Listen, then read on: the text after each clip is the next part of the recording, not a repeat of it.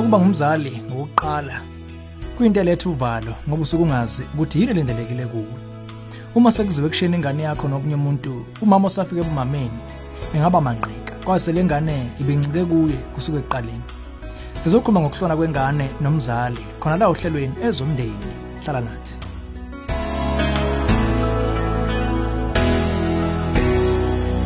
Kwamnandi kuba ngubengelele ezomndeni uhlelo lethe zeluleko eziphathekayo ngaba ka focus on the family. Osafike kube ngumama usibhayile umbuzo ngakube kubalula yini kimi ukushiya ingane yami nomzana kumbe ngiyishiye enkulisa amahora? Ngisengumzali omusha kangazi noma kunempilo yini ukuhlukanisa ingane yami nami kube isikhashanyana nje. Kuthini ukubona kwenu kulokhu? Akukho ngenampilo kuhlobo lokuhlukana onalo emqondweni. Kahlehle kulula ukuba ukubuke njengezinyathelo ezinde zokukhula. Zingxenye yohambo lakho nasonke sikhula sisuka ebuntwaneni siya ebudaleni. Okungakho kunobuhle nempilo kuyigaba zokukhula kwengane yonke. Ukuthi lokuhlukana kungabuka kanjani?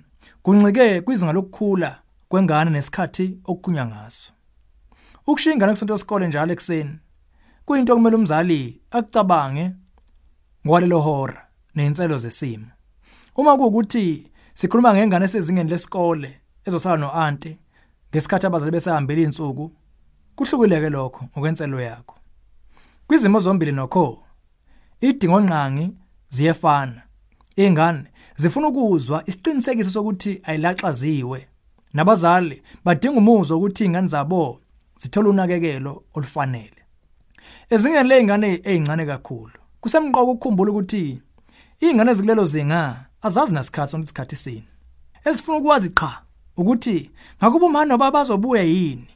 Ngakho kusemqoka ukuyibandakanya nayo ingqondo yengane kulesigaba eneminyaka eko1 kuya ku2 hlala ukuzwa amazwi ngobhoko ngomzanyane kumbe uthisha wenkulisa uma ingane yakho iphendula ngokukhala ngokuklewula mawuyishiya zama ukuba isikhashana njalo emva ka10 minutes ude ubuya njalo uma ufika mphathele ithoyizi elizokwenza anake lona kunawe kumbe noma yini nje ezomjabulisa.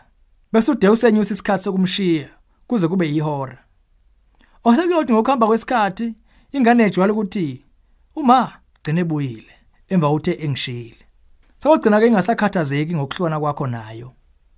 Inkinga ithi ubakhona noma kuukuthi ingane lena esifunda amabanga okuqala abazali abanalo phela ilungelo lokuphazamisa iklasi ngoba nje beze uzolungisa inkinga yokuhlona kwakhe nengane yakhe. Esimene sinjalo ungaphoqa ukuyiphatha okulindele ngokuthi uyivuze ingane yakho uyishayele ihlombe.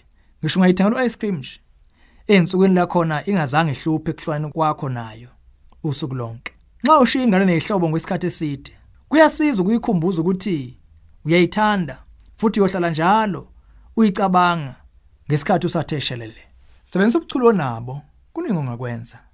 Ungabhala inqwaba yamanothi ingane ezowavula abhalele usuku ngalunye. Ngesikhathi ungekho. Phakathi ufake isipho esincane nje esikhomba ukumkhumbula nothando lwakho. Kungawusito omnandi noma ithoyize elincane. Benze bazi ukuthi uyabakhumbula futhi ulangazela ukuba ndawonye nabo ekhaya. Kanjalo usengakwenza lokhu ngokwenza i-call njalo ngosuku bafonele. Into esemqoka lapha ukugcina ukuxhumana ngesikhathi ungekho. Nxa ubhene nokuhlukana okunhlobonhlobo kusemqoka ukugcina izinto ezibili engqondweni. Okwesibili kuhle kumduduza ocabanga ifanelwe uma ukuhlona kunzima ekuqaleni. Ngamanye amazwi asikho isidingo sokuqinisa ikhanda la. Lolu hlelo ezomndeni ulethulelwe yi-focus on the family sihlangabezwa hlelo luzayo sesihlabelisa phambili umndeni wakho.